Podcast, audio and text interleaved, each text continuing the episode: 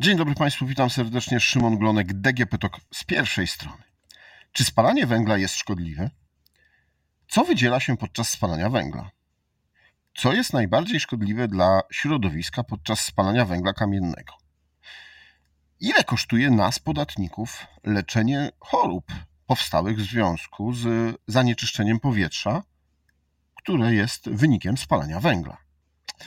Na te inne pytania dzisiaj będę oczekiwał odpowiedzi od naszej gościni, e, pani Weroniki Michalak z Health and Environment Alliance.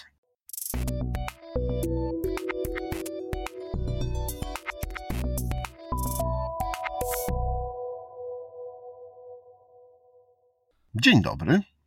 Dzień dobry, witam Państwa, witam Pana redaktora. E, jest Pani współautorką takiego raportu Szkodliwy węgiel jak rezygnacja ze spalania węgla poprawi stan zdrowia publicznego w Polsce? Co w tym raporcie jest? Tak, zgadza się. Jestem współautorką tego raportu. E, tak jak Pan wspomniał, reprezentuję organizację Health and Environment Alliance, więc może słowem wstępu. Organizacja e, zajmuje się tym, analizą tego, w jaki sposób tak zwane czynniki środowiskowe, czyli w dużym uproszczeniu to, co zrobiliśmy środowisku jako ludzie, wpływa nam zwrotnie na zdrowie. I ten raport jest kolejną publikacją, która dotyczy spalania paliw kopalnych, ponieważ w kontekście naszej pracy nad zanieczyszczeniem powietrza w Polsce i nad tym, jak to zanieczyszczenie wpływa na zdrowie, no niestety musimy wziąć pod uwagę takie trudne tematy jak zależność od węgla, jak energetyka, jak polityka energetyczna czyli wszystko to, co kształtuje e, sposób, w jaki pozyskujemy energię, a jednocześnie wiąże się z bardzo wysoką emisją szkodliwych substancji. E, zarówno gazów cieplarnianych, jak i zanieczyszczeń powietrza. Więc zachęcam Państwa również, zanim y, szczegółowo opowiem o tym raporcie, o którym za chwileczkę będziemy rozmawiać, do y, zapoznania się też z poprzednimi naszymi innymi publikacjami, które mówią o tym, jak zanieczyszczenie powietrza pochodzące na przykład z niskiej emisji, z transportu, czy też właśnie z energetyki, czy zmiana klimatu wpływają na zdrowie. To jest wszystko jakby taki system naczyń połączonych, e, mówiący o tym, że stan powietrza w Polsce, a zarówno, zarówno stan powietrza, jak i emisja gazów cieplarnianych, no niestety wpływają nam znacząco na zdrowie, bo pracujemy z reprezentantami, reprezentantkami sektora zdrowia, którzy no, są coraz bardziej świadomi problemu i e, łączą te kropki wiedząc, że y, tak naprawdę to, co wkładamy do pieców w naszych domach, a również to, co jest spalane w naszych elektrowniach, elektrociepłowniach, no wpływa nam na zdrowie pogarsza jakość tego tak zwanego zdrowia publicznego i sprawia, że e, szybciej umieramy, y, bardziej chorujemy i że te faktycznie koszty e, zdrowotne są coraz wyższe. E, powiedziałam to słowem wstępu, dlatego że mm, biorąc pod uwagę zanieczyszczenia powietrza, które analizujemy w tym raporcie, może się pojawić takie pytanie, od czytelników czy czytelniczek, dlaczego akurat mówimy o tej wysokiej energetyce w raporcie Szkodliwy Węgier, dlaczego nie mówimy o tym podstawowym źródle emisji zanieczyszczeń powietrza w Polsce, którym jest niska emisja, czyli spalanie węgla w domowych piecach i kotłach. No dlatego, że mówimy o tym w innych naszych publikacjach, a tutaj skupiamy się na tym, jak energetyka będąca trzecim źródłem zanieczyszczenia powietrza w Polsce po tej niskiej emisji i transporcie, jak ona wpływa na zdrowie. E, staraliśmy się w raporcie ująć y, ten temat troszkę szerzej, to znaczy pokazać nie tylko sam wpływ na zdrowie szkodliwych cząstek, ale też sytuację Polski, która jest szczególna. To znaczy, jesteśmy najsilniej uzależnionym od spalania węgla dla pozyskiwania energii e, krajem w Unii Europejskiej. E, cały czas nie wyznaczono oficjalnej daty odejścia od węgla w Polsce, mimo że rok 2049 to jest rok, który jest w takiej publicznej debacie debacie, tak zwanej umowie społecznej, podawany jako ten rok, do którego powinniśmy wycofać się ze spalania węgla. Niemniej jednak cały czas jesteśmy bardzo silnie zależni od tych paliw kopalnych spalanych w elektrowniach. W 2021 roku elektrownie węglowe w Polsce produkowały ponad 70% energii w kraju. I my w tym raporcie w kontekście też bardzo trudnej sytuacji, jak wiemy, tego kryzysu energetycznego, który dotyczy teraz w zasadzie wszystkie kraje europejskie, wszystkich krajów europejskich. Mówimy o tym, jak te zanieczyszczenia wpływają na zdrowie, a co więcej, staramy się jakby troszkę odwrócić to zagadnienie. Z jednej strony pokazać, że węgiel spalany w elektrowniach no, emituje szkodliwe substancje dla zdrowia, a z drugiej strony pokazać to troszkę, jak wspomniałam, od innej strony, to znaczy jak uniknięcie spalania węgla, czy wycofanie się z energetyki węglowej do danego roku może poprawić stan zdrowia publicznego Polek i Polaków i może jednocześnie oszczędzić koszty zdrowotne. To znaczy, możemy e, zaoszczędzić e, to, co byśmy w cudzysłowie wydali e, na leczenie chorób, co by nas kosztowało hospitalizację, przedwczesne zgony, które też można wycenić i tak dalej. I my tutaj w tym raporcie, jeżeli Państwo do niego zajrzycie, do czego serdecznie zachęcam, przejęliśmy mm, taki sposób kalkulacji tych oszczędności zdrowotnych oparty na trzech scenariuszach. E, analiza dotyczy w pierwszej kolejności scenariusza tak zwanego 2030, czyli tego, jak dużo bylibyśmy w stanie zaoszczędzić tych, tych, mm, tego zdrowia, mówiąc kolokwialnie, przy odejściu od węgla w 2030 roku. I tutaj e, jest to szczegółowo określone w metodologii, co przyjęliśmy za punkt wyjścia, Mogę króciutko powiedzieć na ten temat, że, że, w przypadku tego scenariusza 2030 wszystkie zakłady energetyczne, które właśnie spalają paliwa kopalne, są zamknięte do końca 2030 roku. E, produkcja energii z biomasy i z biogazu wzrasta w tempie określonym w dokumencie Polityka Energetyczna Polski do 2040 roku, czyli tak zwany PEP 2040 i zatrzymuje się na tym poziomie osiągniętym w 2040 roku. Więc to jest ten pierwszy scenariusz. W drugim scenariuszu przyjęliśmy, że analogicznie te same założenia, tylko że produkcja energii z tych paliw kopalnych zostaje zakończona 5 lat później, w 2035 roku. A trzeci scenariusz, ten dla nas najbardziej pesymistyczny, to zakłada, że wykorzystanie wszystkich tych paliw, o których mówimy, jest zgodne z założeniami e, aktualnego jeszcze dokumentu Polityka Energetyczna Polski do 2040 roku. To znaczy, że teraz czekamy na aktualizację PEP. E, miała być, o ile dobrze pamiętam, do końca poprzedniego roku. Teraz oczekujemy jej w pierwszym kwartale 2023 roku. Zobaczymy, jak to się potoczy. Wiadomo, że z dokumentami tego typu nie zawsze jest tak, że są one dostarczane w terminie. I ten trzeci scenariusz zakłada właśnie, że po 2020 e, przepraszam, w 40 roku Polska odchodzi od węgla do 2049 i utrzymuje produkcję e, z paliw na poziomie właśnie 2040 roku. To jest szczegółowo opisane też w metodologii, jeżeli ktoś chciałby sobie to mm, przeanalizować, jakie przyjęliśmy założenia dla tego raportu. E, I co ważne, wszystkie skutki zdrowotne zostały obliczone do 2060 roku, czyli nawet jeżeli przyjmiemy dany scenariusz, to te pozostałe paliwa, czy biogaz, czy biomasa, na podstawie założeń zrobionych metodologii, przyjętych metodologii, są liczone do 2060 roku. I Wszystkie te dane poparte są bardzo konkretnymi wyliczeniami, jeśli chodzi o y, właśnie czy osoby, które zachorują, czy o zgony, ale też y, są wartości podane w złotówkach. Ile w każdym scenariuszu nie wydamy y, z budżetu państwa na leczenie nas, obywateli, w związku z chorobami właśnie które powstają przez spalanie paliw kopalnych.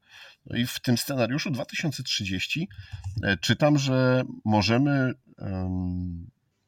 zapobiec wystąpieniu 9 tysięcy zgonów e, i zaoszczędzić na e, wydatkach na zdrowie 148 miliardów złotych. No to są gigantyczne pieniądze. Dokładnie tak. My tutaj, tak jak pan redaktor zauważył, dosyć szczegółowo podeszliśmy do tych kalkulacji i one są, mm, mogą się wydawać przytłaczające, jak ktoś otworzy raport, z kilku względów. Po pierwsze, dlatego, że to są niebywale wysokie wartości, jeżeli chodzi o choroby i przedwczesne zgony. Oczywiście my jesteśmy przyzwyczajeni do mm, tej narracji dotyczącej zanieczyszczenia powietrza ogólnie Polsce ze wszystkich źródeł, czyli tej przedstawianej przez Europejską Agencję Środowiska, która mówi o tym, że prawie 50 tysięcy osób umiera przedwcześnie każdego roku z powodu zanieczyszczenia powietrza w Polsce i to jest oczywiście też poparte metodologią. Więc tro, trochę się nawet zastanawialiśmy, czy te wartości, które zawarliśmy w tym raporcie, zrobią wrażenie, bo mm, wydaje nam się, że ponieważ już od kilku lat w tej debacie publicznej dotyczącej zanieczyszczeń powietrza te 50 tysięcy się pojawia, to może się wydawać wartość mniejsza, może niezbyt motywująca. Natomiast no są, są to ogromne skutki zdrowotne Podobnie jak i bardzo wysokie koszty, z których sobie nie zdajemy sprawy, ponieważ y, najczęściej, jeżeli chorujemy, to skupiamy się na własnym budżecie domowym, na własnym portfelu, na tym, ile wydamy na lekarza, ale, czy, czy, czy na leki, ale jakby nie zdajemy sobie sprawy, że to są koszty dla całej gospodarki, to są koszty dla systemu ochrony zdrowia, które w bardzo wymierny sposób po prostu obciążają E, naszą gospodarkę, e, chociażby tak prozaiczna niby rzecz jak utrata produktywności, czy, czy dni, prawda, które musimy wziąć wolne, jeżeli chorujemy.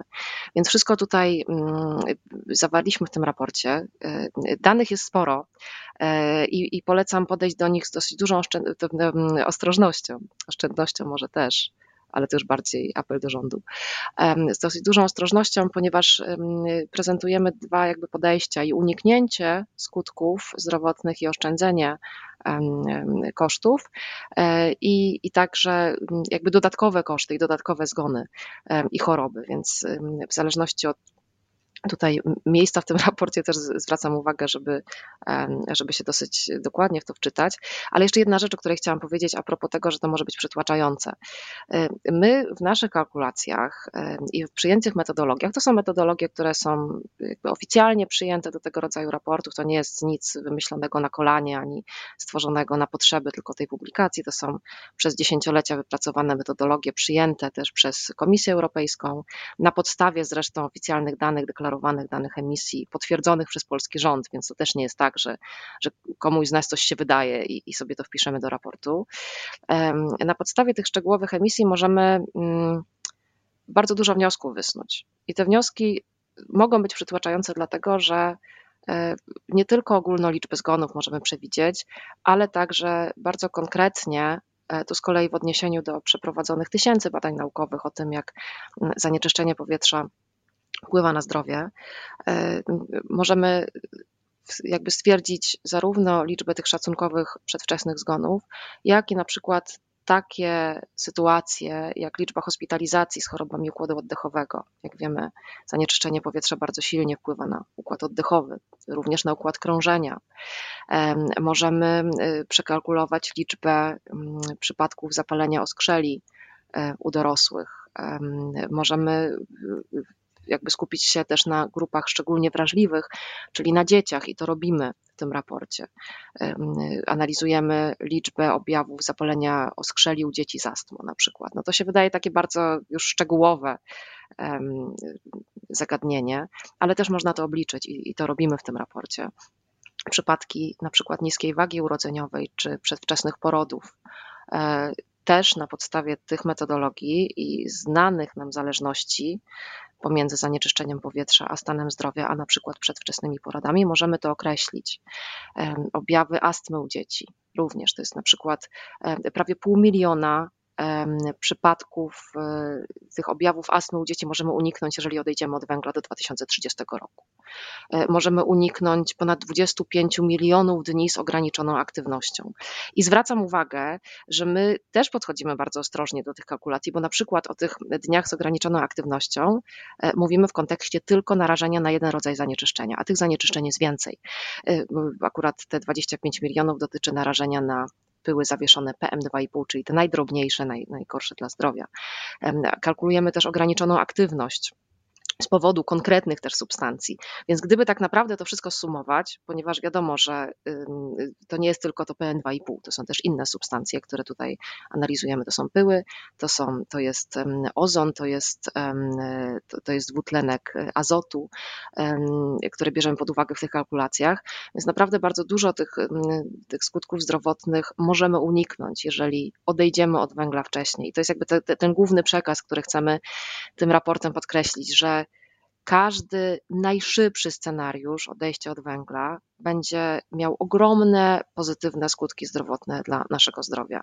E, pozwoli nam zaoszczędzić tysiące hospitalizacji, miliony utraconych dni pracy czy dni z ograniczoną aktywnością. E, przypadki właśnie zapaleń oskrzeli, hospitalizacji, czyli koszty dla służby zdrowia.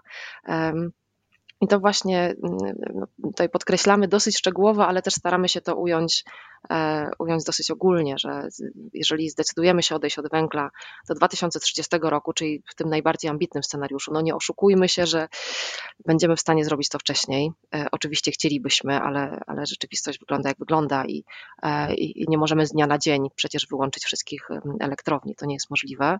Ale jeżeli zdecydujemy się na odejście do 2030 roku, to możemy zaoszczędzić ponad 270 miliardów złotych tych kosztów zewnętrznych. Jeżeli to będzie ten scenariusz 2035, no to już y, mniej zaoszczędzimy tego zdrowia i poniesiemy znacząco większe skutki i koszty zdrowotne wszyscy.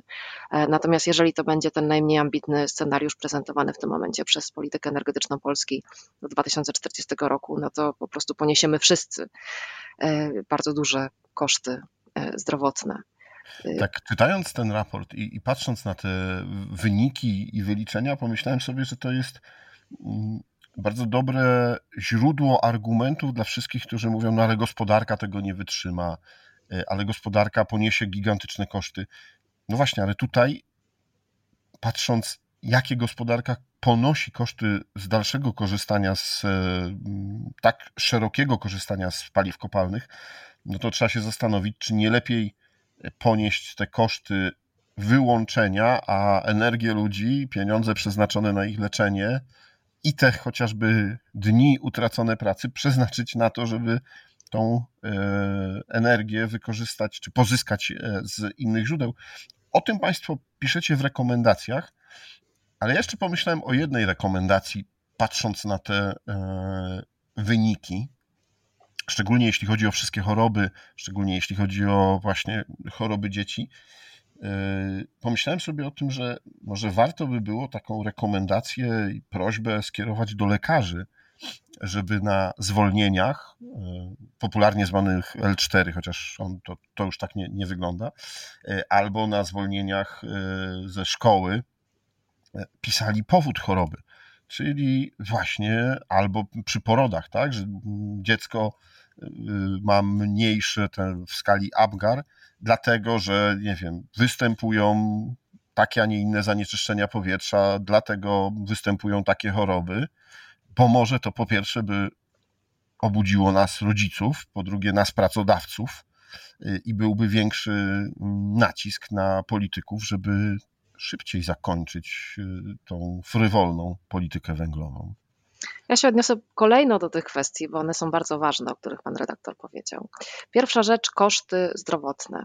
My od dawna już apelujemy o to, żeby wszelkie zewnętrzne koszty zdrowotne, czyli to, o czym rozmawiamy, hospitalizacja, utrata zdrowia, możemy nawet wycenić każdy utracony rok życia e, i jego skutek dla gospodarki, żeby to było brane pod uwagę przy decyzjach strategicznych, przy e, decydowaniu o budżecie, o e, wyłączeniu poszczególnych jednostek i, i to jest naprawdę ważny koszt, który ponosimy wszyscy który można naprawdę no, w miarę dokładnie obliczyć, jeżeli chodzi o, te, o tą stratę gospodarki. Natomiast problem z nim jest taki, to znaczy problem z punktu widzenia decydentów, że no, nie mamy tych pieniędzy w kieszeni. Tak? To jest coś, czego możemy uniknąć, więc y, gorzej działa to na wyobraźnię i mniej to przemawia do decydentów. A po drugie, to jest kwestia kolejnych lat, a wiemy, że decyzje polityczne często są obliczone na bardzo szybki efekt e, i muszą przynieść y, skutek w postaci elektoratu. E, I, i niestety zdajemy sobie też z tego sprawę, e, nie mówiąc o kadencyjności poszczególnych rządów czy decydentów. Więc apelujemy o to, żeby faktycznie te skutki długoterminowe były brane pod uwagę, e, ponieważ e, jeżeli byśmy spojrzeli na poszczególne decyzje, właśnie zwłaszcza polityczne, które są podejmowane w zakresie obszarów strategicznych, do których też należy energetyka, no to one nie są perspektywiczne. One nie myślą o naszym zdrowiu, o naszym dobrobycie długofalowo. One myślą o tym, e, po prostu czy są motywowane myśleniem o tym, co nam może taka decyzja przynieść w ciągu najbliższych miesięcy czy najbliższych lat. I tak jak wspomniałam, niestety często jest to liczone w głosach wyborczych. Więc apelujemy o to, żeby faktycznie mm, te koszty były uwzględniane i my z całą pewnością i ze stuprocentowym przekonaniem podkreślamy, że odejście od węgla w szybszym scenariuszu zaoszczędzi nam wszystkim zdrowia i zaoszczędzi bardzo wiele kosztów dla naszej gospodarki. Druga rzecz, jeżeli chodzi o lekarzy. E, my współpracujemy z lekarzami, z lekarkami skupionymi w różnych inicjatywach, bo okazuje się, że lekarze, jako mm, bardzo zajęta grupa zawodowa, e, no, mimo wszystko są motywowani na tyle dbałością o zdrowie pacjentów, że angażują się w różnego rodzaju ruchy i działania na rzecz poprawy jakości powietrza, na rzecz minimalizowania skutków zmiany klimatu, czy też wyhamowania tego procesu. Ja to tylko zaznaczę, taka mała dygresja, że my w tym raporcie tylko sygnalizujemy problem zmiany klimatu i pamiętajmy, że ten sektor energetyczny jest głównym e, źródłem emisji e, gazów cieplarnianych, ale to nie jest raport, który mówi o skutkach zdrowotnych zmiany klimatu. Odsyłam do innych naszych raportów, gdzie ten temat też poruszamy. Nie chcieliśmy, żeby tutaj był ten obraz jeszcze bardziej skomplikowany, e, więc e, te, te, chciałam tylko zrobić ten trend o zmianie klimatu. Wracając do lekarzy. Coraz e, więcej reprezentantów, reprezentantek sektora zdrowia zdaje sobie sprawę z tego połączenia czy bezpośredniej zależności korelacji pomiędzy stanem powietrza i stanem zdrowia. Jednak nie jest łatwo wykazać e, w, na karcie pacjenta, że poszczególnym czynnikiem prowadzącym do takiego czy takiego stanu jest zanieczyszczenie powietrza, ponieważ mamy dużo czynników, które mogą na zdrowie wpływać. E, nie ma wątpliwości w badaniach naukowych, że zanieczyszczenie powietrza w taki i taki sposób wpływa na zdrowie. Ale jeżeli weźmiemy pod uwagę konkretnego pacjenta czy konkretną pacjentkę, to tak samo jak w karcie zgonu nie wpisuje się stres czy, czy niezdrowa dieta, tylko wpisuje się na przykład nie, niewydolność układu krążenia czy oddechowego, to najczęściej ten opis medyczny będzie związany stricte z daną konsekwencją dla zdrowia. Niemniej jednak, tak jak wspomniałam, coraz większa świadomość towarzyszy osobom, które pracują w sektorze zdrowia e, i mamy przypadki, e, w których faktycznie już stwierdzono, że dany, dany skutek zdrowotny, czy też bardziej tragicznie dany zgon był związany z zanieczyszczeniem powietrza. I tutaj taką przełomowym przypadkiem jest E, dziewczynka, nie pamiętam imienia, nazywa się Rosamund z Wielkiej Brytanii. Mamą jest Ella Rosamund, czyli aktywna działaczka na rzecz poprawy jakości powietrza. Jej córka, cierpiąca na astmę, mieszkająca w bardzo zanieczyszczonej dzielnicy Londynu e, i, i bardzo ruchliwej, tam akurat tym głównym czynnikiem narażenia był transport. Zmarła niestety w wypadku ataku astmy e, i lekarze faktycznie byli w stanie wykazać, że w tym przypadku to zanieczyszczenie powietrza spowodowało ten zgon. Więc są takie pierwsze, pierwsze przypadki. Pytanie, właśnie jak można to określić w nomenklaturze y, czy klasyfikacji medycznej, my zachęcamy do tego, żeby y, coraz większą uwagę na to zwracać. E, jeżeli nawet jeszcze nie będzie to na wypisach gdzieś szpitalnych, czy w opisach choroby, e, to chociażby, żeby lekarze coraz bardziej edukowali pacjentów i pacjentki na temat tych zagrożeń, które są związane ze spalaniem paliw kopalnych, już nie mówiąc o śmieciach, bo to jest zupełnie inny temat e, dotyczący niskiej emisji i palenia w domach.